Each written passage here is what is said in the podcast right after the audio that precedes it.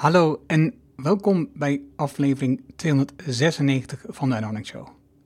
Wij leert van ondernemers en ondernemende mensen die bijzondere resultaten bereiken, welke beslissingen ze genomen hebben om hier te komen, wat ze doen, de strategie en hoe ze klanten krijgen.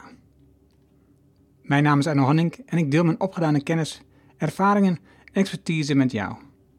Ik coach ondernemers zodat ze stap voor stap de juiste beslissing nemen om uiteindelijk een gezonde groeimotor te creëren zodat de onderneming vanzelf loopt.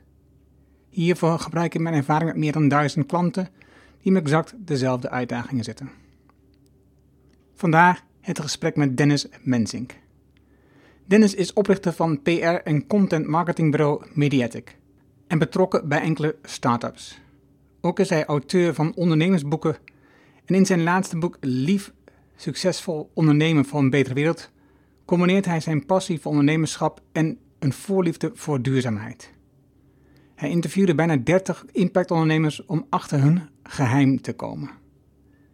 Dennis is een ondernemer die andere ondernemers onder de aandacht brengt met PR en content marketing. Zo onderhouden ze vanuit Mediatic een aantal platformen waarop ze eenvoudig ook klanten onder de aandacht kunnen brengen. We hebben het uitgebreid over de ondernemers uit de twee boeken die hij heeft geschreven en uitgegeven, Lef en Lief hebben het onder andere over de verschillen tussen beide ondernemers en wat de impactondernemer kan leren van de marktverstoren. Een zeer interessant gesprek waarin Dennis ook vertelt hoe hij met Mediatic werkt aan meer impact te verkrijgen. Luister naar de inzichten van Dennis. Laten we beginnen. Welkom in de Erno Hamming Show. De podcast waarin je leert over de beslissingen om te groeien als ondernemer met je bedrijf. Luister naar de persoonlijke verhalen van succesvolle ondernemers en ondernemende mensen. Dan nu, jouw business coach, Erno Hadding. Welkom in deze nieuwe podcastaflevering en vandaag spreek ik met Dennis Mensink. Grappig genoeg dacht ik dat hij misschien uit mijn geboorteregio kwam, want Mensing is ook in mijn geboorteplaats Haaksberg een bekende naam. Maar dat is niet zo. Hij komt uit Apeldoorn, dus daar is hij geboren en wordt nu in een plaats niet verder vandaan, Deventer. Maar zijn bureau Mediatic zit in Amsterdam. Welkom Dennis in de podcast. Dankjewel. En zijn bureau houdt zich bezig met um, ehm, PR en content. En en ik kende je eigenlijk alleen maar als soort PR-bureau. Dus ik had, ik had dat stuk niet zo goed uh, gezien. En dat kwam via Tom van Lubbe. De Tom van Lubbe die heb ik een tijd gesproken in de podcast in zijn bedrijf. Maar daarna, sinds, ja, sinds een aantal maanden, een half jaar, nee, langer al, bijna een jaar, werk ik met hem samen en maak een, een eigen podcast, de ja. Boekencast. Dus ik spreek Tom uh, één keer in twee weken sowieso, maar ook wel vaker. En daardoor kwam, daar kwam jouw naam een paar keer naar voren. En ook via hem kreeg ik uh, dit boek, wat ik nu, als je de video kijkt, uh, laat zien. Uh, Lief, waarbij de i met kleine letter staat, de lef opvalt. En, um, en, dat kreeg ik in de post. Een behoorlijk groot tafelboek, zeg maar. En, um, en, en, het mooie is, er staan ondernemers in die, ja, die het wat anders vormen in de wereld dan misschien wat anglo-saxische ondernemers omdat zij iets anders willen doen, iets beter willen doen. Mhm. En ik heb een aantal van die namen ook gebruikt om te benaderen via LinkedIn en te kijken of ik kan interviewen voor een podcast. dat is niet, mm, nog niet helemaal een succes geworden, maar een aantal heb ik er al gesproken. Dat is... Um, voordat we met dat boek verder gaan, want ik wil het wel over hebben zo meteen, maar even. Want jij bent, um, nadat je uh, sociaal economie hebt gestudeerd, uh, in de um, journalistiek gedoken. Mhm. Wat was er in jouw eerste opleiding waardoor je uiteindelijk richting journalistiek school? Um, dat was denk ik de abstractie die ergens interessant is om in te duiken. En tegelijkertijd de, de, de vaagheid um, die ik niet per se interessant vond. Um, had wel de wens om, om iets te creëren, zeg maar iets, een eh, soort van impact te maken, zou je kunnen zeggen, als je het positief uh, richting lief wil vertalen. Maar dat je echt iets, iets, uh, iets maakt en dat dan een strikt erom en dat je dan een mooi eindproduct hebt. En bij sociale economie, of eigenlijk nog algemene sociale wetenschappen, hoe ik startte met die opleiding, dat waren acht sociale studies door elkaar Dat dacht ik eerst van oké, dan kan ik daarna kiezen. Maar de keuze was ik moet hier weg. Dat, is, dat was een beetje mijn, mijn antwoord. Um, dus journalistiek gaan doen. Een soort van verkorte versie. Ehm, hartstikke leuk. tegelijkertijd, volgens mij leer je dat vak alleen in de praktijk. En ik heb dat eigenlijk, als je eerlijk bent, maar kort gedaan. Althans, kort fulltime. Vrij snel naar bureauzijde gegaan bij LVB Networks gewerkt. Tegenwoordig LVB Content Marketing, als ik het goed heb, in eh, Amersfoort. En toen, uh, na een aantal jaren voor mezelf begonnen, want dat was ook wel een wens. Dus ook iets neerzetten in dat, in dat opzicht. Um, en met een grote drang naar vrijheid en een uh, klein autoriteitsprobleem voor mezelf begonnen. Dus zodoende. Uh, en journalistiek, dat, of de hele media. Uh, ik, begon ooit als, als gewoon een eenpitter journalist, uh, tekstschrijver voor mezelf. En voor allerlei titels gewerkt. Uh, zowel uh, B2C, ik had bij, bij Treinkrant Spits had ik elke maandag twee pagina's over personal finance, superleuk. Maar ook voor meer Elsevier-achtige titels gewerkt. En dus, dus vaak wel iets, iets zakelijks, maar ook wel die, die privékant. Um, super interessant. En tegelijkertijd, ik begon in 2008 als, als eenpitter, zeg maar. Dat was meteen ook een crisisjaar. Dus toen dacht ik alleen op journalistiek eh, zeg maar dat de journalistiek mij betaalt, dat is best wel tricky. Um, bovendien, om daar ook een bureau heen te bouwen, dat is helemaal ingewikkeld. Zeker, nou ja, journalistiek, in, in, zeker in crisistijd, was niet iets wat mega goed uh, beloonde. Uh, en hoe kun je dan mensen aannemen en een bedrijf bouwen, zeg maar. Dus, en commerciële opdrachtgevers, daar had ik genoeg ervaring mee opgedaan. En dat vond ik ook heel interessant, als die mediacomponent er maar in zat.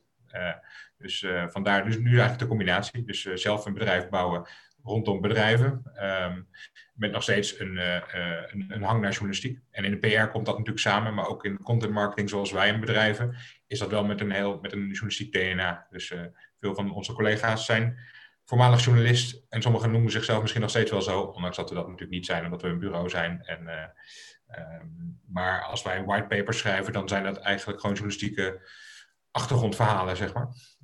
die even goed op een mooi platform of in een krant terecht zouden kunnen komen. Wat ze soms ook wel doen, want daar komen creatie en PR wel samen. Dus als wij een opiniestuk schrijven wat in het FD of in Trouw terechtkomt, dan is dat natuurlijk, je bent PR aan het doen, maar het is ook gewoon goed stuk schrijven. Dus die combinatie die, die past goed. En als je, had twee pagina's bijvoorbeeld in de spits, en wat, je vulde die twee pagina's zelf met content, of had je daar dus voor gesprekken met anderen, hoe deed het dan? Nou, dat was een soort van uh, chef nieuws, en dan gingen we kijken van oké, dat was een, eh, een kleine voorbereidingstijd al. Wat is het thema? Wat, wat pakken we aan? Wat gaan we de komende de dagen daarvoor aanwerken, zodat maandag uh, die mooie personal finance pagina in de krant, pagina's in de krant staan. Over lenen, sparen, beleggen, dat soort dingen, hypotheken. best wel interessant. In die zin, dat zijn natuurlijk thema's die eigenlijk iedereen wil aangaan. Dus de, de, het thema was heel groot. En het had ook een soort inhoudelijkheid. Want je moet mij niet op de afdeling uh, privé zetten, zeg maar. Of in, de, in de telegraaf, zeg maar. Dan word ik niet gelukkig. Dus ja. je moet inhoudelijkheid hebben, maar ik vond het wel dan gaaf dat het veel mensen raakt. Dus dat je met een, met een paar goede tips um, nou, misschien wel mensen behoedt voor het afsluiten van een domme hypotheek. Of ja. En als je kijkt naar. Want volgens mij, wat, je, wat jullie doen, loopt de hele tijd door elkaar. Dat gedeelte van PR en content maken. Ja. Dus, dus jullie hebben ook een aantal, in ieder geval, tenminste, ik heb in ieder geval één platform gezien, uh, Financial Intelligence, um, wat jullie zelf onderhouden. Mm-hmm. Maar natuurlijk, dus, dus dan, dan, bouw je een platform met, met content, um, onafhankelijke content. En tegelijkertijd kan ik me voorstellen dat het een platform is waar je heel goed artikelen kunt plaatsen van klanten, uh, om dat dan daarin zichtbaar te krijgen, omdat het platform zich ontwikkeld heeft waar je dus je klant in kunt promoten. En daarnaast denk ik dat je, wat, wat, leg zo meteen uit uh, van jouw kant, dat je dus uh, ook zo'nzelfde soort content strategieën maakt voor klanten om dat soort dingen, platformen of, of content voor zichzelf op te zetten.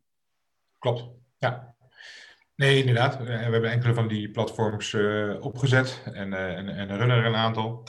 Dat is, ja, dat is waar, waar veel dingen samenkomen van waar wij goed in zijn. dus zorgen voor de juiste content, voor een, juiste strategie erachter. Wat voor type content moet het dan maken? Waar moet het dan over gaan? Wil, je, wil je daarmee inspireren? Wil je informeren? wil je activeren? Wat, wat wil je ermee eigenlijk? Content om de content kun je net zo goed niet maken eigenlijk. dus het moet wel een doel hebben.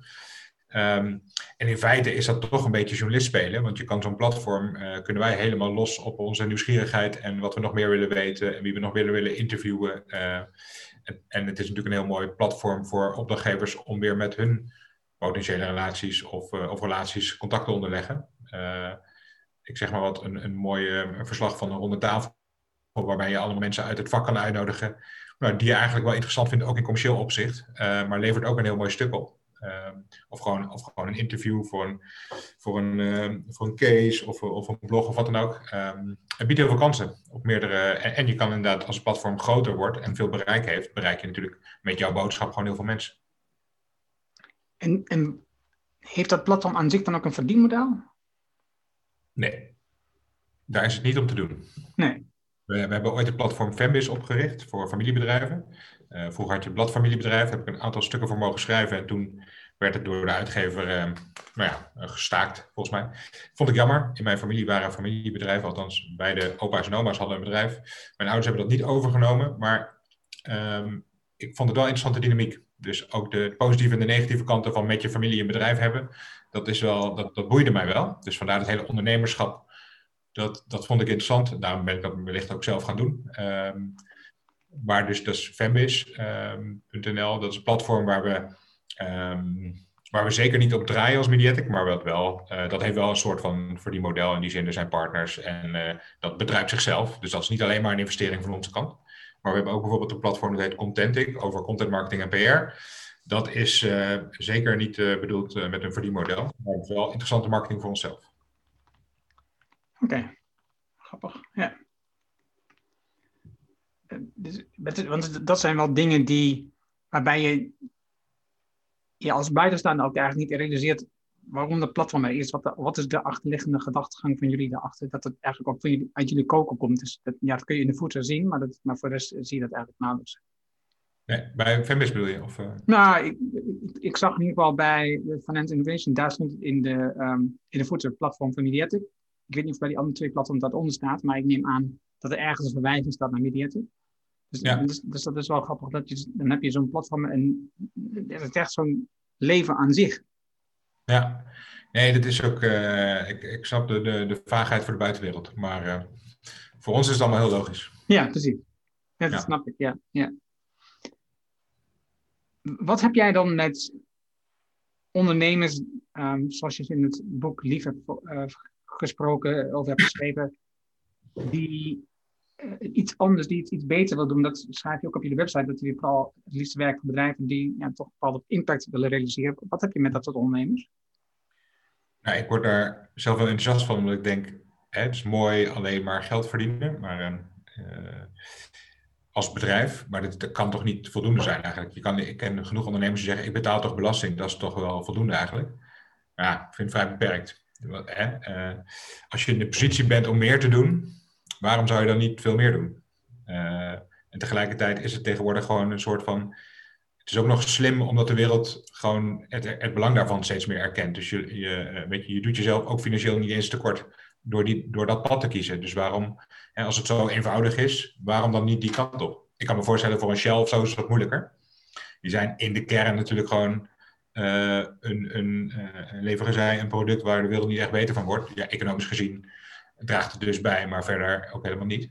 Um, maar voor veel bedrijven, die kunnen best wel keuzes maken. Je hebt voortdurend elke dag de keuze om je missie, visie, je product wat aan te passen naar iets wat, wat, wat beter is. Of waar de wereld wel eigenlijk wat meer mee opschiet. Waarom zou je dat niet doen? Het is ook een beetje adel verplicht, zeg maar. Ik vind het uh, vrij asociaal als je dat helemaal niet doet. En ik moet eerlijk zeggen, in de, in de interviews voor Lief ben ik er ook wel achter gekomen dat het gewoon de leukste bedrijven zijn ook nog eens. Dus het, eh, als je daar bent binnen die bedrijven, een soort, soort vibe en iedereen werkt daar mee aan de missie. Uh, anders dan ik moet mijn hypotheek betalen, zeg maar. Dat moeten ze ook, dus ze willen wel betaald worden. Um, maar dat is niet in de kern waar ze daarvoor zitten. En dat, dat merk je aan alle kanten. Dus een soort van wij zijn samen even iets heel belangrijks aan het doen. Dat, dat idee, dat is, wel, dat is wel inspirerend, vind ik. Op dat vlak, als je dan kijk, wat, zie je dan van verschillen met de ondernemers die het geïnterviewd voor het boek Lef? Ja, wat ik, wat ik uh, eerder al een keer soort van in een analyse uh, duidelijk naar voren kwam, is eigenlijk het thema bescheidenheid, of juist niet. dus de, de, de, de impact ondernemers, dus de, degene die we geïnterviewd hebben voor Lief, die zijn over het algemeen behoorlijk bescheiden. Terwijl de, de LEF-ondernemers, we hebben in 2018 hebben we nog een boek gemaakt, dat heet LEF, dus Lief was het vervolg op LEF. Ehm, en daarin interviewden we eigenlijk de nog iets grotere namen zou je kunnen zeggen, want de ondernemers die vaak nog een iets groter bedrijf hebben. En het was heel inspirerend op andere thema's, maar het, het, het hele thema duurzaamheid kwam eigenlijk niet aan bod. En dat vonden wij jammer. Dus toen hebben we in, vervolg daarop hebben wij lief gemaakt. Maar die ondernemers die waren een stukje minder bescheiden. Terwijl in mijn optiek zou het andersom moeten zijn. Als jij en een mooi bedrijf hebt en je bent ook nog met een soort missie bezig om de wereld een beetje mooier te maken dan mag de bescheidenheid er wel af, want dat is eigenlijk best wel gaaf. Ehm, maar dat, je zag het dus andersom, dus dat was wel opvallend. Ehm, het zegt misschien ook wel iets over de aard van de mensen. Tegelijkertijd ja, helpt het wel om gewoon luid en duidelijk te zijn en veel te communiceren over je missie. En als je dat heel bescheiden gaat doen, dan doe je jezelf en de wereld tekort eigenlijk. Dus dat viel wel op. De bescheidenheid uh, die moest eraf, dat was onze boodschap. Ja, ik zag dat ook als een van de punten die ook eh, bij, bij lef naar voren kwam. Dat je een van de punten die, die opgemerkt had, was dus nou, het niet bescheiden zijn van die mensen en dus echt uh, ervoor gaan. Mhm. En tegelijkertijd, ehm, ja, wat je denk ik ziet, is dat in zo'n bedrijf heel vaak de ondernemer, de CEO, op een positie wordt neergezet waarbij het lijkt dat hij slash zij um, de allesbedenker is, weet je, dat hij alle oplossingen in zich heeft en, en, en dus dat alle, alle, het goede van het bedrijf voortkomt uit hem of haar. Mhm. Bij hem denk ik dat zelfs iets sterker dan haar. Mhm. En terwijl, of dat nou het beste is voor je bedrijf, dat is een zeer vraag. Het is, het is natuurlijk aan de ene kant is het fijn om te zorgen dat mensen uh, je gaan volgen. Aan de andere kant is, zou dat ook de afstoot, kan ik me voorstellen. Ja, ik denk ook dat het bij je moet passen. Uh, en ehm, dat bepaalde mensen, uh, leiders, bepaalde mensen aantrekken die bij hun passen. En ik denk niet dat het heel erg past om. Ehm, nou ja, ik denk dat lef, lef ondernemers niet zo snel lief medewerkers aantrekken en vice versa. hoewel natuurlijk ook wel die lijntjes verschuiven wel iets en dat vervaagt wel iets. Maar um, de, nou ja, het, feit dat, dat ego een belangrijke driver is voor succes, dat is wel algemeen bekend. Dus in die zin is het ook niet zo gek dat Hè, dat dat uh, haantjes die het leuk en positief weten te brengen, heel veel mensen achter zich krijgen en een soort, ook een soort vibe weten te creëren. Um, dus iets meer haantje mag soms ook wel in die liefhoek, zeg maar. Dat is ook wel een beetje, zonder nou te zeggen van uh, het komt allemaal door mij, het succes hier, jongens, gefeliciteerd met mij, zeg maar. Dat, dat zou niet moeten. Um, maar bijvoorbeeld Henk-Jan Belman, die overduidelijk de leider is van Tony Chocolonely, zegt eigenlijk op het moment dat ze mij op de apenrots gaan zeggen, ben ik weg. Tegelijkertijd gebeurt dat mede door die opmerking. Dus het is, het is een dun lijntje. Je bent toch de leider, hoe je het nou bent of keert. Ehm, dus dat is, dat is ingewikkeld. En, en wat ik wel een mooie uitspraak van hem vond, dat hij zei, ja, als ik niet schat hemeltje rijk mag worden, wie dan wel?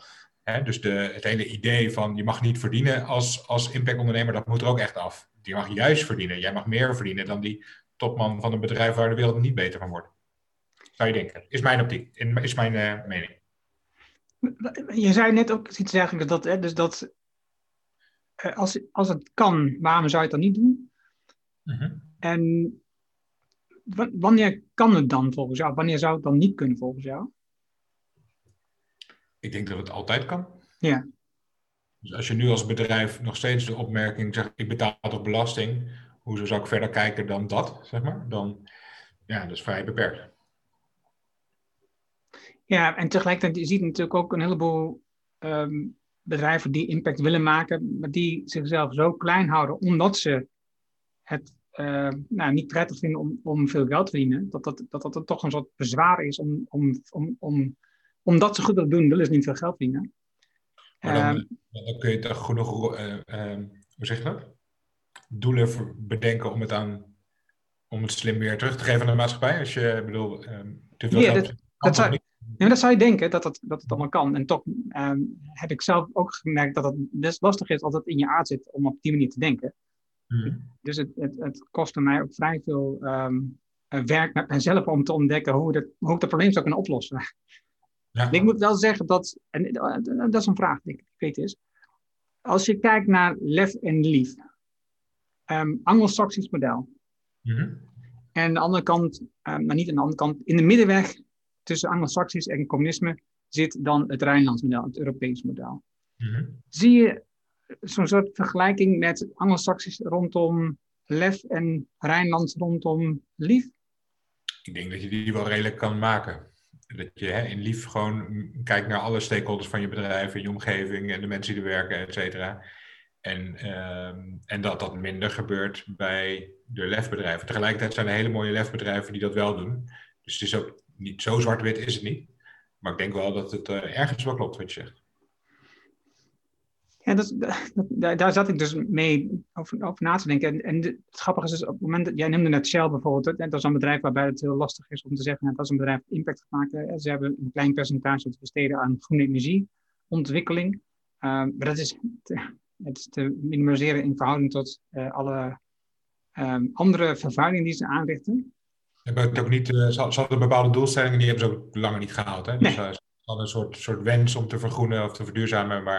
dat was, leek dan toch nu iets meer voor de buren, want ze hebben nog niet de helft gehaald, geloof ik. Van wat ze eigenlijk En grappig nog wat in het boek Lief, als ik het goed heb, staat ook uh, Unilever. Mm -hmm. En dat is een bedrijf wat ik dan ook niet 1 te 3 zou scharen onder Lief. Nou, Unilever staat niet in Lief, maar Live Kindly, de, uh, dat is een, een nou ja, wel uh, bedrijf wat, uh, wat uh, nu geleid wordt door de voormalige tweede man, zou ik maar zeggen, van de kroonprins van Unilever. dat, ja, Unilever heeft ook enorme slagen gestaan, maar dat is ook wel lastig als je een hele grote vervuiler bent. Wat niet wil zeggen dat ze daar dat ze wel bekend staan, uh, Paul Polman, als iemand die als CEO dat hele bedrijf een enorme slag heeft laten staan op dat vlak. Dus toch wel een voorbeeld. Ehm, niet zozeer, kijk, er is een verschil tussen impactbedrijven en bedrijven die verduurzamen. impactbedrijven zijn begonnen in de kern met een product dat duurzaam is en daarmee de wereld een stukje mooier wil maken. Unilever was een grote vervuiler, bewijs van. Uh, vervuiler, maar uh, niet een heel duurzaam bedrijf. En is die slag nu aan het maken. Dus dat is ook wel een, een olietanker in beweging brengen, is iets moeilijker dan opnieuw beginnen. Uh, maar dat doen ze, hebben ze wel heel goed gedaan. Wat, wat zie jij, hoe, hoe, wat zijn dingen bij jou binnen Mediatic, hoe je, dat, hoe je daarmee omgaat? Wat, hoe doe jij dat in jouw bedrijf? Nou, goede vraag. Uh, wij doorlopen nu um, bij iemand die jij wellicht ook kent. Um, uh, Scale-up Impact uh, traject doorlopen wij. Pieter van Os. Ja. En uh, dus dat betekent enerzijds scalen. Hoe gaan we dit nou groter maken? En ook omdat we zelf meer positieve impact willen maken. Dat betekent ook dat wij zelf aan die, wat ik aan het begin zei, tussen de, de knoppen van missie, visie, kernwaarden, kun je gewoon aan draaien. Je kunt daar gewoon uh, met z'n allen een, een nieuw uh, evenwicht creëren of een nieuwe, nieuwe doelstelling hebben met uh, missie, visie als bedrijf.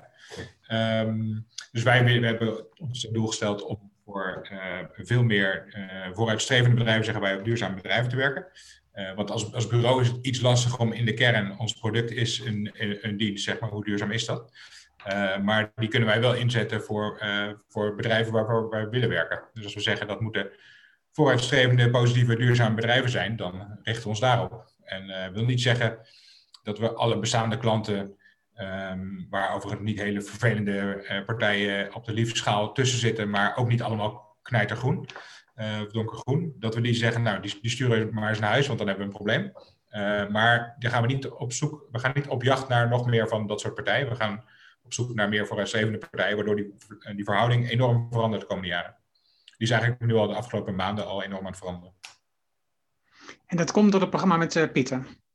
Nou, dat heeft wel de, de, de klokken uh, gelijk gezet en, uh, en de focus aangebracht daarop. En ik denk eerlijk gezegd dat het een direct effect is. Ja. En, en hoe kwam jij toe om, om daarmee te beginnen dan? Um, dat heeft meerdere dingen. Enerzijds is het betrekken van meer mensen bij waar gaan we naartoe. En dat ook een soort van systematisch Ehm, eh, te doen. Als ondernemers toch een beetje eenzaam aan de top, zou ik bijna zeggen. Eh, dus eh, ehm, ik heb in het verleden wel een, een compagnon gehad, maar nu niet. Dus het is toch wel fijn om dat met andere mensen te kunnen delen. En ook samen een traject te doorlopen, dat ik niet dat opleg, maar dat, dat er ook ideeën van, van anderen komen. dus dat samen samen doen. We hebben ook zo'n Great Place to Work certificaat gehaald, je kent het wel. en daarin, nou ja, daar, daar leer je ook weer dingen uit. En toevallig vandaag nog een presentatie over de resultaten gehad. dus dat ook allemaal meegenomen. En ehm, dit was een, een tip ook volgens mij van jouw collega, zal ik bijna zeggen, Tom van der Lubbe. Die zei, ken je Pieter al? En ik was toevallig met meerdere van die scaling-up partijen aan het praten. En en met Pieter, die dan de focus of impact heeft, ja, dat was eigenlijk de keuze snel gemaakt. Dan moeten we dat dus met hem doen. Dat is en aan je bedrijf werken en de goede kant op. Dus dat uh, zodoende. Wat heb je veranderd naar aanleiding, in je bedrijf naar aanleiding van uh, Great Place to, to Work? Um, nou, dat was bijvoorbeeld een thema over bijvoorbeeld opleiding. Hè? Dat, dat vindt iedereen interessant. Uh, en uh, alles, uh, ik zou bijna zeggen, alles kan bij ons. Maar als je het niet letterlijk aanbiedt, dan lijkt het toch alsof het niet kan. Dus bij wijze van een formuliertje van hier kun je tekenen, dan mag je de opleiding doen. Um, dat is dan heel belangrijk, want als dat formuliertje er niet is, je kunt het wel een paar keer roepen dat je elke opleiding mag doen bij wijze van die je wil. Maar dat voelt toch heel abstract en dan durft men toch dat niet, zich niet te melden. Um, uh, tenminste, sommigen wel, maar niet iedereen. En dat is eigenlijk, dan, kun je zeggen, nou, dan moet je alleen maar mensen aannemen die zelf wel, die, maar zo makkelijk is het ook weer niet. Dus je moet dat uh, faciliteren, zeg maar. Dus dat is een thema waarvan ik dacht, uh, ik heb het wat irritant dat mensen denken dat dat niet, dat, dat niet kan. Dus niet dat we daar hè, nul punten op scoorden of zo, maar ook niet zo hoog als ik had gewild. dus dan kun je daar gewoon werk van maken eigenlijk. Dus dat is een concreet puntje. Het is wel grappig dat je denkt je hebt het gevoel dat je daar goed mee bezig bent. Dat je toch duidelijk bent dat iedereen uh, een opleiding kan volgen en zich kan ontwikkelen. En in de praktijk um, ervaren ze het anders. Dat is wel, wel apart. Ja, maar dat, ja, is enerzijds apart en anderzijds helemaal niet, begreep ik. Want als je op het moment dat je ja, een keer zeggen is niet, is niet voldoende. En twee keer zeggen ook niet. Dus uh, ja. is dit uh, onderdeel van iets wat je blijkbaar heel vaak moet zeggen. Of gewoon in processen moet gieten aan het begin van het jaar hier het formuliertje, zeg maar wat je gaat doen dit jaar. Bewijs van. Hè? Ja. Dus in ieder geval concreter maken. Ja.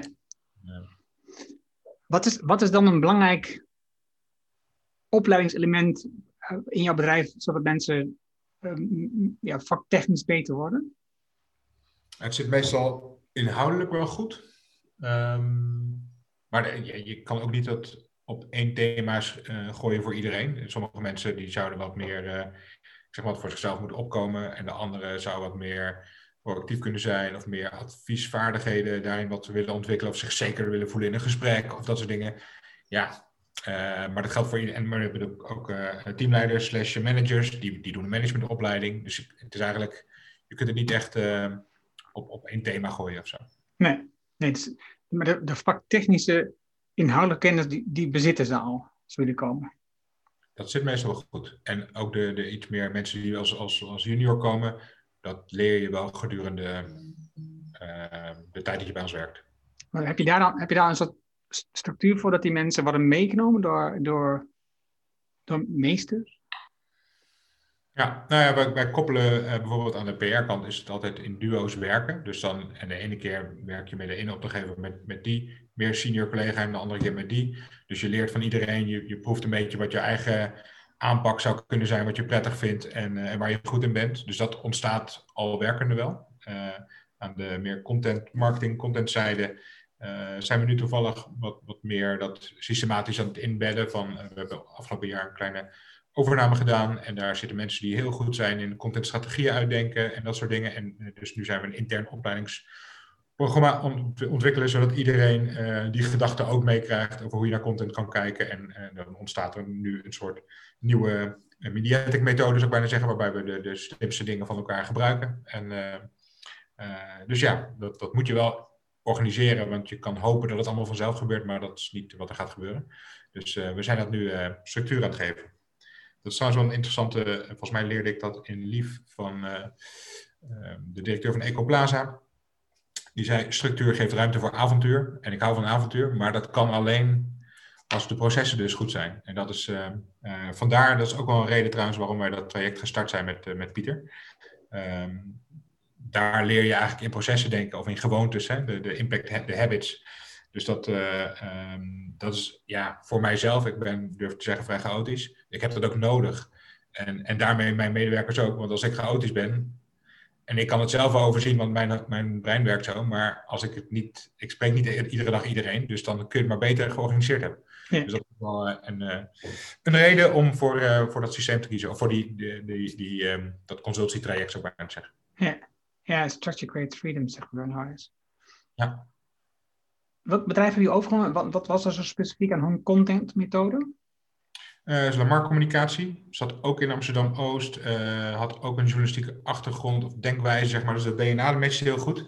En we zaten dicht bij elkaar en uh, de, de eigenaresse wilde een stap terug doen en eigenlijk nog wel betrokken blijven, maar niet als eigenaar. Dus dat was de match, was snel gemaakt. Um, dit is iets meer, iets, iets langer nadenken en iets meer modellen voor verschillende, um, voor verschillende situaties hebben zij om naar content te kijken. En wij kwamen heel erg vanuit de creatie en op PR-niveau eh, zijn we heel strategisch bezig. Dat is altijd een, een, een, board-level thema, zeg maar. Um, maar aan de contentzijde kun je zomaar afgerekend worden op, uh, of vergeleken worden met een, met, met een freelancer die ook wat aardig kan schrijven. Wat prima is, alleen dat wil je als bureau, dat, dat wil je niet. Dan, dan we willen uiteindelijk veel meer kunnen bieden als bureau dan een eenpitter, om het zo maar te zeggen. Eh, soms op sommige niveaus is dat niet zo, maar we willen eigenlijk niet de losse tekstjes maken, want daar kunnen we geen bureau op draaien, logischerwijs. Dus het is meer überhaupt strategisch denken en wat vaker een stapje terug doen, wat zij heel erg in zich hebben. Terwijl wij iets sneller in de uitvoermodus schieten, waar we ook heel goed in zijn. Maar het is fijn dat het samenkomt. Dus dat, uh, dat zij zeggen, nou, dit kan de wens wel zijn van de klant, maar wat is de vraag daarachter? Uh, gewoon eigenlijk simpele consultietrucs, maar die voor een contentcreatie bureau ehm, eh, best ver weg zijn. Dus uh, ik, ik, ik, doe, ik wil het nu niet afdoen als simpele trucs, want we kunnen het echt heel goed. Nee, nee, maar, zo snap ik het ook niet. Ja. Maar snap ik het ja. Je, je wilt dus nog verder groeien, ga ik vanuit, omdat je nu een overname gaat. Is, is overnemen dan een, een goed middel om te groeien? Het is niet zo van, nou, dat moet elk jaar gebeuren, uh, of iets in die geest. Maar dit was, dit was een soort van... Uh, kans die zich voordeed van ja, als je de plussen en minnen afscheepte, eigenlijk niet kon bedenken waarom je het niet zou doen.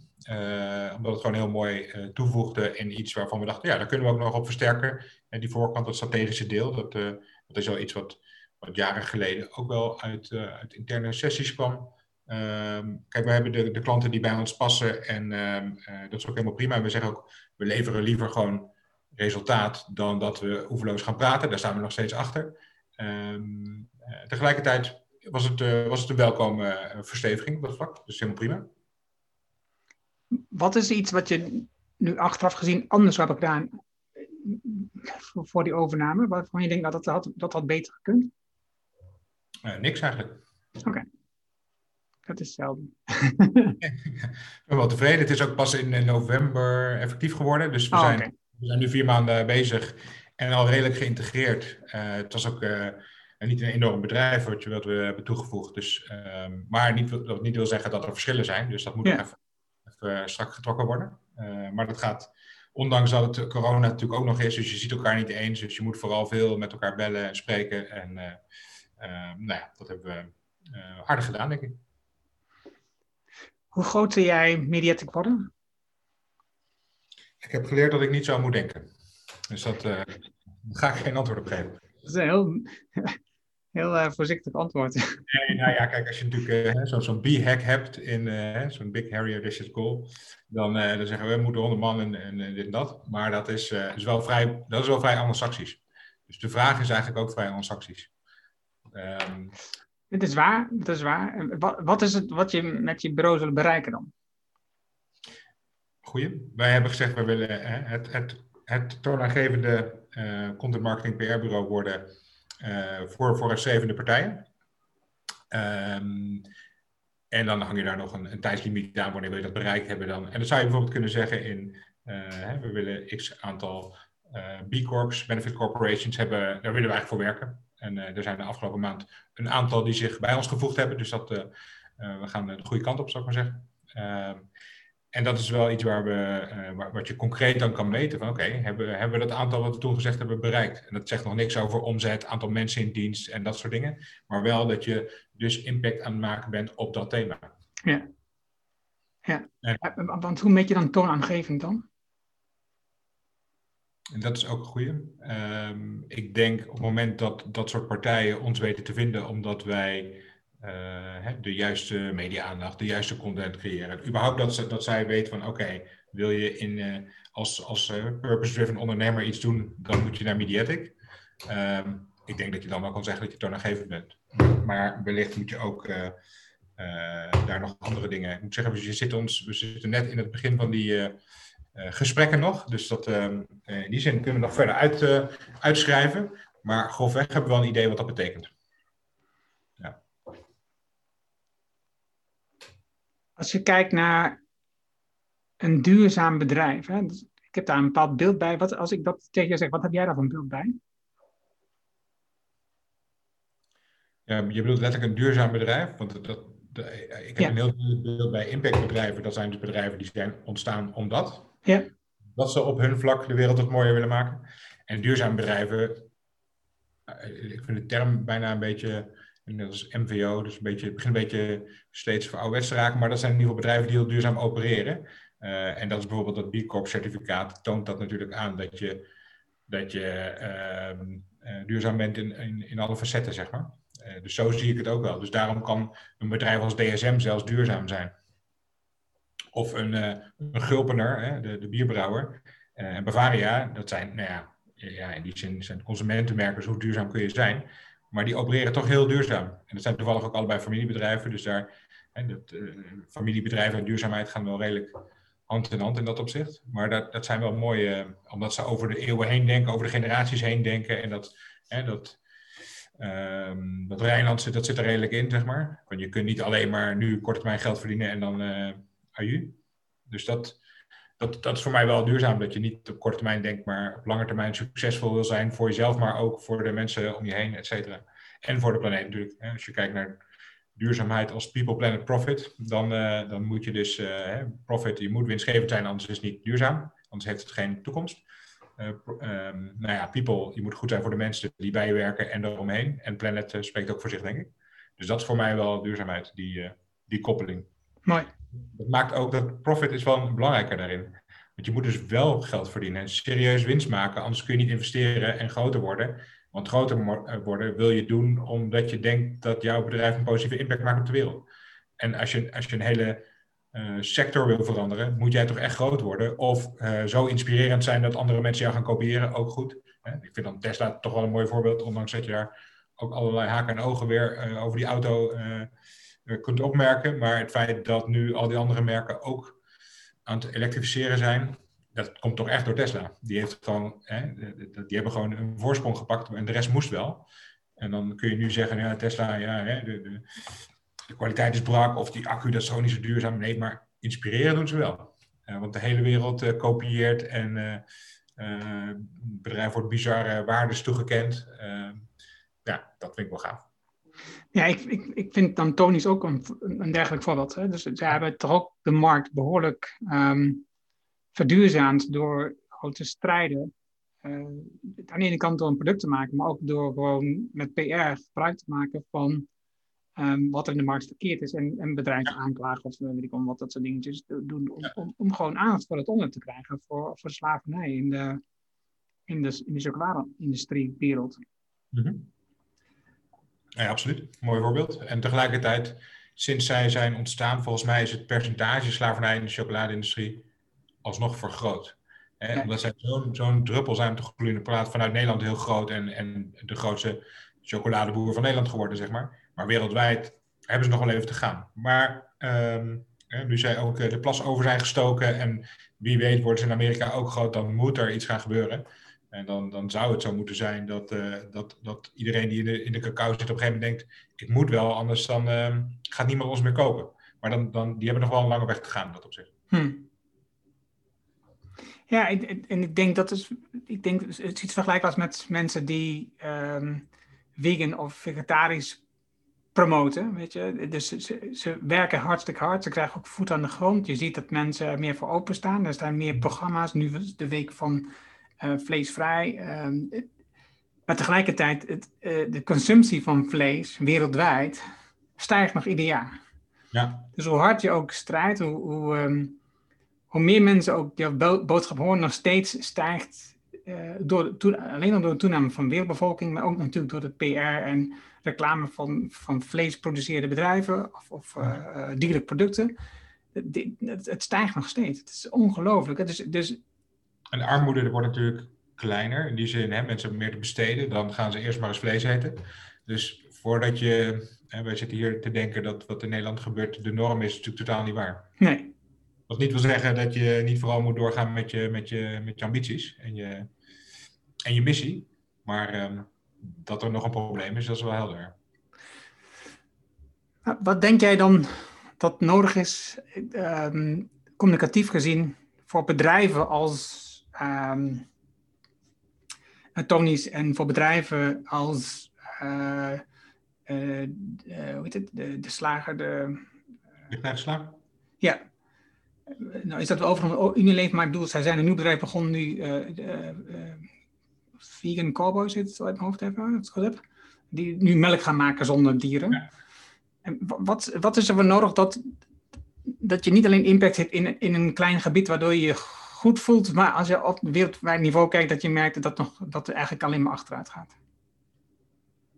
Ja, nog harder groeien. En nog, uh, dus uh, dat is ook een beetje de, de lessen die wij um, uit de LIF haalden. Van, uh, je, je, moet bedrijfsmatig kijken. Bijvoorbeeld een Live Kindly, de, waar we het eerder over hadden, um, is opgericht met, met bizar veel miljoenen startkapitaal opgehaald bij voormalig, nou ja, eigenlijk uit alle hoeken en gaten zijn er investeerders geweest die dachten, ja, hier geloof ik in. Meteen op wereldwijde schaal iets uh, vegetarisch neerzetten, wat, wat, gewoon, wat gewoon andere, wat die industrie helemaal moet veranderen. Dus ik, en dat is natuurlijk een, een kanshebber om, uh, om dat te doen, omdat ze zoveel, alleen als startkapitaal hebben heel veel bedrijven opgekocht wereldwijd om een verschil te gaan maken. Dus je hebt ook gewoon nodig dat er mensen met diepe zakken of met veel impact, dat die ook opstaan. Want je kunt inderdaad klein beginnen, wat ook heel goed is. Wat, dat kan weer anderen inspireren, waardoor je impact veel groter is dan je denkt. En tegelijkertijd is het, uh, is denk ik wel nodig dat, dat inderdaad het Adolf verhaal, dat er mensen opstaan die daadwerkelijk invloed hebben. En bedrijven opstaan die, zoals een Unilever, die een grote slag slaat. Ja, als dat, als dat meer gaat gebeuren, dan, heb, dan is het natuurlijk nog best wel kansrijk. Dus uiteindelijk is, is het motto, je moet groeien, wil je echt impact maken. Ja, in ieder geval hè, misschien ook een grotere broek aandoen dan je verdient. Ook qua je communicatie. Dan kom je een beetje op ons thema natuurlijk, op PR. Wij zijn ervoor om te zorgen dat uh, vaak relatief kleine bedrijven grote aandacht krijgen in de media. Omdat ze nou eenmaal een heel goed verhaal hebben. Of omdat we dat verhaal samen gecreëerd hebben. Um, wat goed is uh, voor dat bedrijf, omdat ze daarmee bekendheid genereren en autoriteit worden op hun vakgebied of in hun branche. Uh, en tegelijkertijd inspireert het weer anderen om ook zoiets te doen. Dus dat is uh, überhaupt zo te denken. Dus dat of zelf groot worden of groot communiceren. of liefst allebei. Dat is wel, dat is wel de wens. Is het een, de ene is waarschijnlijk het gevolg van het ander. Ja. Ja. Groot communiceren resulteert in groot worden. Ja, en ik denk wat Tony natuurlijk heel goed doet, is eigenlijk iets ja, pijn blootleggen die niemand kende, bij wijze van. Ik denk dat niemand heel erg bezig was met, uh, als je uh, chocola te eten was, dat er slavernij aan te pas was gekomen. Dat, dat, dat, bedenk je niet. Maar door dat heel duidelijk te maken, bijna activistisch, ehm, ja, gaat, wordt het echt wel een thema. En, als je dan, en tegelijkertijd doen ze het niet te vervelend.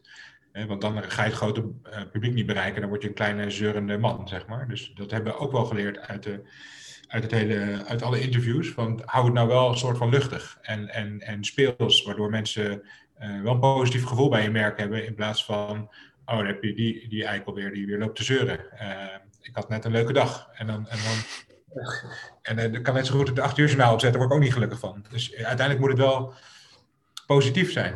En dat, dat positieve in je communicatie, daardoor bereik je een grotere groep dan wanneer je op die donkergroene stip gaat zitten. Je kan beter uh, iets lichter groen, maar de massa aanspreken, waardoor mensen toch aan het denken gezet worden, dan die donkergroene, ja, dat donkergroene bedrijf wat gewoon wordt weggezet als irritant.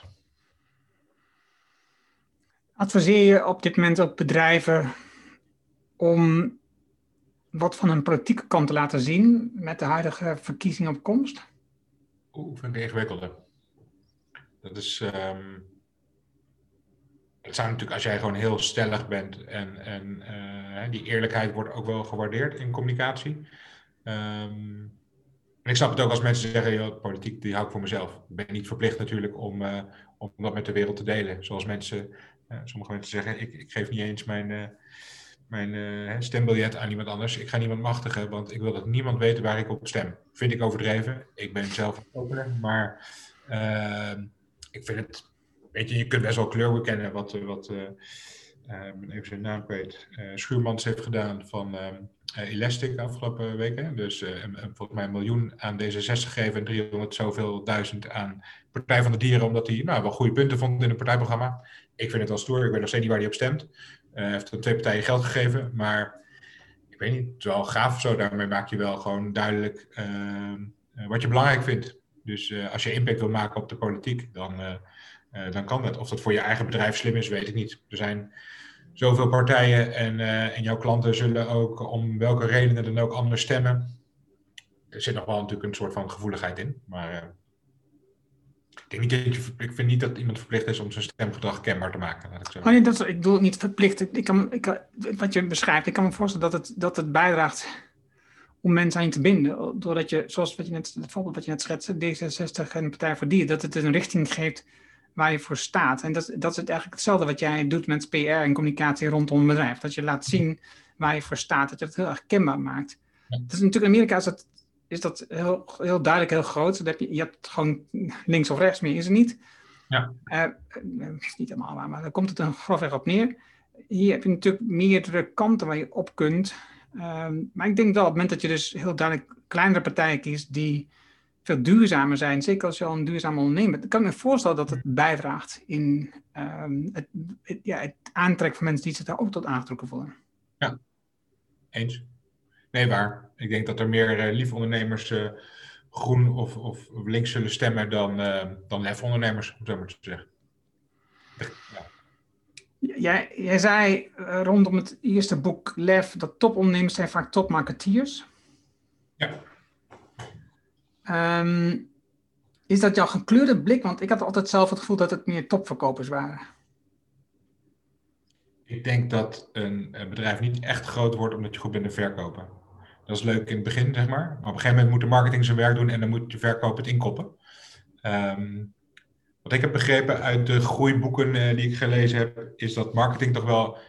Uh, ik heb ook een keer van Fern Harnish, de, de, de Amerikaanse guru groeigebied, een, een, sessie meegemaakt die zei: als, als ik in één woord, als, ik, als je me echt maar, maar drie seconden uitleg geeft, dan zeg ik marketing.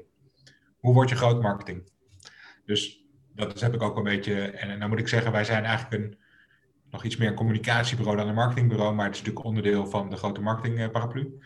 Um, ja, ik geloof toch meer in, in communicatie en marketing in die end dan in verkoop. Wat niet wil zeggen dat verkoop extreem belangrijk is om het succesvol. Uh, alles is belangrijk. Die succesvolle ondernemers doen namelijk alles goed. Niet zij zelf, maar hun bedrijven doen eigenlijk alles goed en anders was het wel ergens misgegaan. Dus de HR klopt, de sales klopt, de marketing klopt, het financiële klopt. Alles moet kloppen. Anders ga je het niet, ga je het niet redden. Als je als ondernemer um, meer kennis opdoet van marketing, maak je een grotere kans dat je succesvol zult worden. Ja, dat denk ik. En de meeste, maar de meeste ondernemers zijn wel een soort van marketing uh, of marketeer ja, in zichzelf, denk ik. Of vanuit van zichzelf. Dus een Henk-Jan Belman is echt wel een goede marketeer. Of een Raymond Klooster van, van, Kloosterman van Rituals is echt wel een goede marketeer. En dat verhaal daarachter, dat staat als een huis. En dat eigenlijk maar blijven eerst goed ontwikkelen voordat je überhaupt begint. En dat maar blijven laden en, en, en herhalen eigenlijk. Uh, en snappen dat de kracht van de herhaling heel belangrijk is. Um, ja, dat, dat is volgens mij wel. Je kunt het leren, maar ik denk dat je het ook wel een beetje in je moet hebben om er echt succesvol in te zijn. Hm. Dat herhalen is natuurlijk uh, lastig. Hè? Wat ik vaak zie gebeuren is dat, dat ondernemers, als ze klein zijn nog, dat is waar ik dan veel meer werk, Dat, dat, dat ze een bepaald moment het gevoel dat iedereen de boodschap wel kende. Dus mezelf heb hem zo vaak gezien. Mm. kijk alleen naar de social media. Dus als je zegt dat je één keer per dag zou moeten publiceren, dan zegt ze, nou, ik, ik, weet niet wat ik, ik kan niet nog vaker de teksten raden. Dus iedereen heeft het al gezien. Ja. Nee, bijna niemand heeft het nog gezien. Maar dus, dat is toch een bepaalde perceptie die je hebt. Omdat je zelf natuurlijk je eigen berichten continu ziet, denk je, dat, nou dat is al zo vaak gezegd, dat hoef je niet te raden. Ja. Hoe vaak... Toch moet het. Ja, precies. Maar hoe vaak herhalen bedrijven als Rituals en als Coolblue hun boodschap, denk jij? Ik denk dagelijks in alles wat ze doen. Het zit gewoon overal in verpakt. Uh, en niet altijd de focus op duurzaamheid bijvoorbeeld. Nou, dat geldt sowieso niet voor, voor uh, de bedrijven die we net noemden. We hebben, maar bijvoorbeeld een Coolblue, alles voor een glimlach, dat zit natuurlijk in alles, zeg maar. Um, en ja, daar kun je veel van zeggen, maar het is wel sterk. En, uh, en, en de kleine geluksmomentjes van Rituals zitten overal in van de verpakkingen tot, het is overal over nagedacht. En uh, dus eigenlijk, dat is natuurlijk het mooiste, dat het overal in zit. Dan, dan, het, is een, het is een herhaling, maar die kost geen moeite. Dat is, dat is dus een van, van de geheime, tussen tips, is dat je dus als, als, als ondernemer meer um, je marketingspier ontwikkelt, die aan je zit, maar die je dan wat, nog wat meer ontwikkelt en, en dus je boodschap goed sterk maakt. En, en, en, en, dat je dat zover hebt, dat je dat blijft herhalen, herhalen, herhalen, herhalen. Tot je er echt zelf ergens gewoon genoeg van. En dan nog blijft herhalen. Ja, maar die boodschap die kan je natuurlijk in verschillende vormen, verschillende manieren. Dat kan, uh, hè, dat kan op heel veel, uh, ja, op heel veel wijzen. Um, um, nou, wat je bijvoorbeeld bij uh, een, een, een Cool ziet, maar eigenlijk bij veel partijen in ons lefboek, is dat ze, dat ze zelf betrokken zijn bij de bij de marketing en dat ook echt essentieel vinden als, als, als founder, zeg maar. Dat bijvoorbeeld een, een, Pieter Zwart die zelf de spotjes nog steeds inspreekt van, van Coolblue. Of dat nodig is, weet ik niet. Maar in ieder geval meedenken op het, uh, hij ziet als zijn hoofdtaak ongeveer. Hè? Zoals, zoals veel ehm, eh, succesvolle ondernemers de lijntjes met de pers als hun hoofdtaak zien ongeveer. Uh, want ja, wat is anders? Je hoeft niet letterlijk te gaan verkopen, je hoeft niet de boekhouding te doen. Wat is je taak als, als CEO, zeg maar, of als is intern communiceren en extern communiceren eigenlijk. Uh, en, en dan telkens de missie, de visie naar buiten brengen. Dus ja, als je dat vervelend vindt omdat, je dat, uh, omdat de herhaling in de neus uitkomt, dan is het misschien uh, tijd om een ander iemand aan het roer te zetten. Dus dat.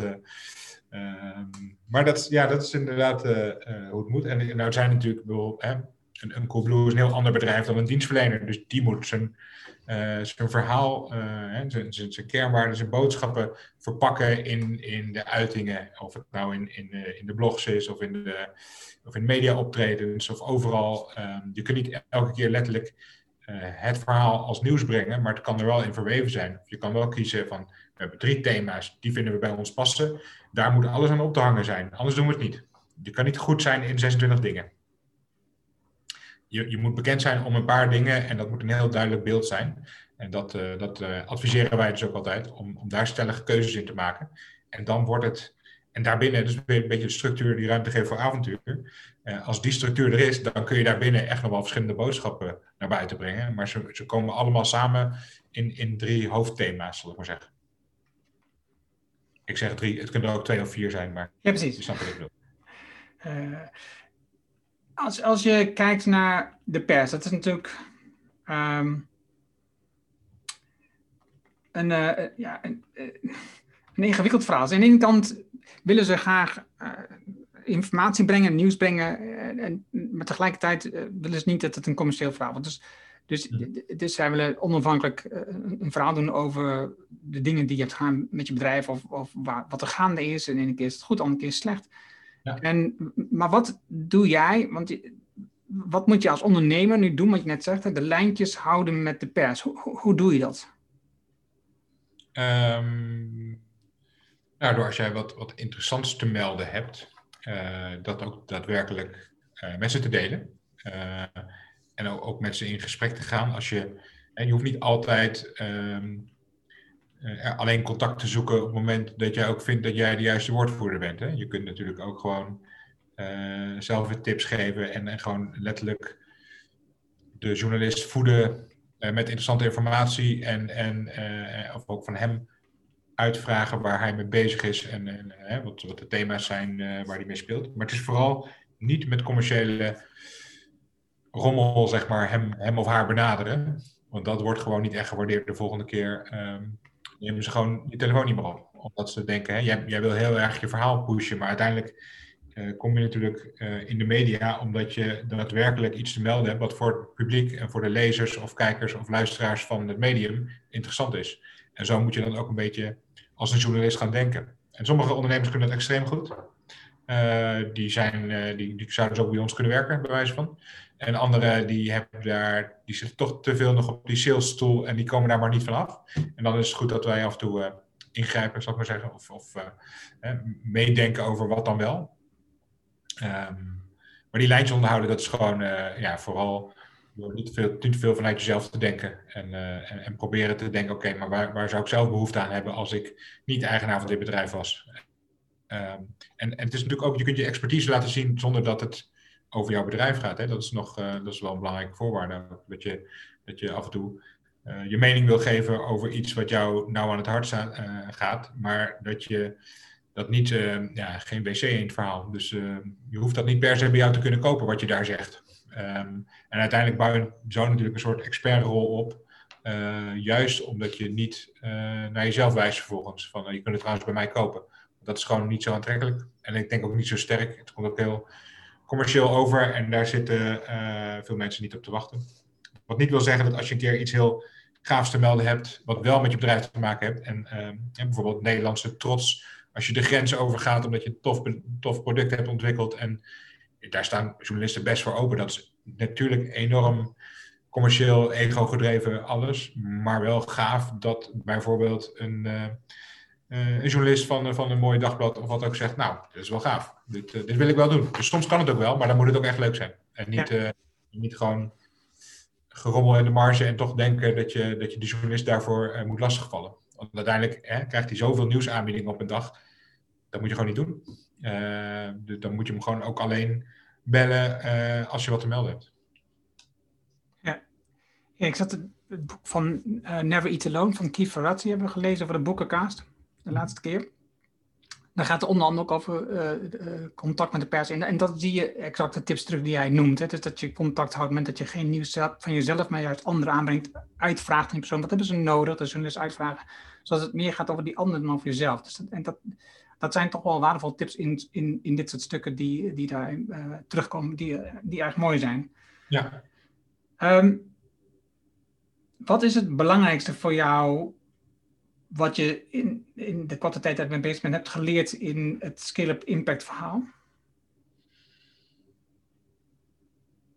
Goeie vraag. Ik denk dat dat toch op het uh, menselijke vlak is, zal ik maar zeggen. Van me mensen die, uh, die bij je werken. Dus uh, zij denken dan, voor een harness heeft het over A, B, C, D-spelers. A-spelers hebben de juiste, ondersteunen of versterken de cultuur van je bedrijf en zijn goed in hun vak die moet je hebben, eigenlijk alleen maar.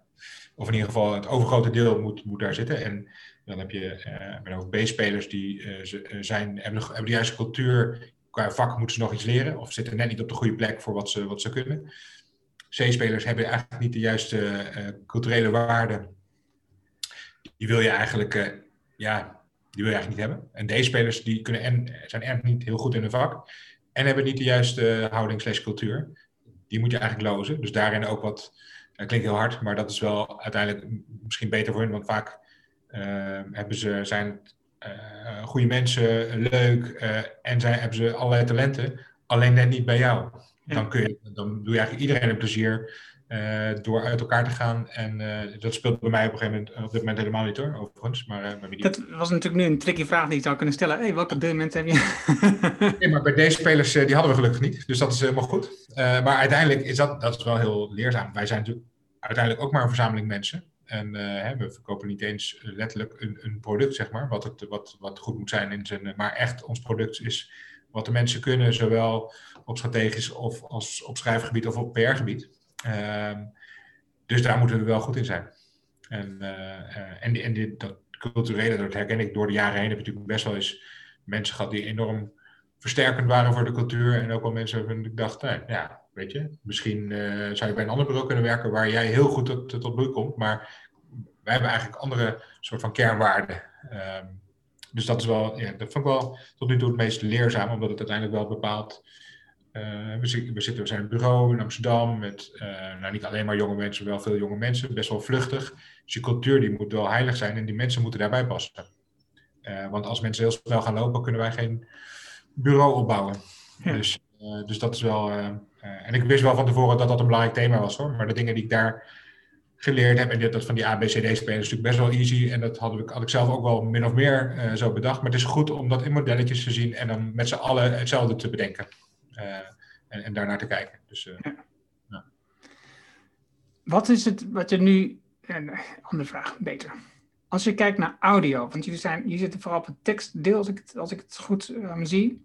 Ja, we hebben ook een, een videograaf wel, maar we komen vanuit de tekstcreatie. Ja. Want wat, wat vind jij van audio. Bijvoorbeeld, dus nu interview ik jou voor de podcast over je boek. Ehm, zie jij dat een podcast een belangrijk platform kan zijn, is voor auteurs als ze een nieuw boek hebben bijvoorbeeld? Mm, je wilt om bij, om bij jou aan te schuiven of, of ergens anders? Of, uh... ja, ja, ja, precies. Niet om erin te starten, maar om gewoon in het, in, in het nieuws te komen. Ja, nou, het, het, is wel grappig, want het is wel. Uh, en er zijn er steeds meer podcasts. En, uh, maar niet iedereen is, uh, niet iedere podcast is relevant of, of goed of heeft het juiste bereik. Um, en ik merk dat opdrachtgevers het heel leuk vinden. Of dat, of dat de, nou per se de maatstaf moet zijn, weet ik niet. Maar hè, een interview voor een podcast, oh, dat is toch wel. doe niet positief. Dat, dat, dat, is, dat wordt toch als iets meer gezien dan. Oh, er is een hele kleine niche uit en die zou je wel willen interviewen, zeg maar, of uh, voor, een, voor, een, stukje, dan is een podcast toch iets leuks om te delen. En uh, uh, audio en video, ik weet niet, het, heeft natuurlijk altijd wel iets. En ik vind het interessant, zeker. En, en voor mij is natuurlijk de, ehm, de, de, de kritieke punt is van wat, wat is het bereik, wie bereiken we daar, wie, wie luistert er, de podcast, et cetera. Dat is natuurlijk wel waar je naar moet kijken, want je kan overal uh, druk mee zijn. En tegelijkertijd, als het je hoofdtaak is als CEO bijvoorbeeld, om je verhaal te vertellen, dan moet je niet zo gauw nee zeggen in mijn optiek. Maar, uh, dus dit, het begint zeker wel in de mix te gaan horen. Dus de, die, die, die, stijging van populariteit is wel helder.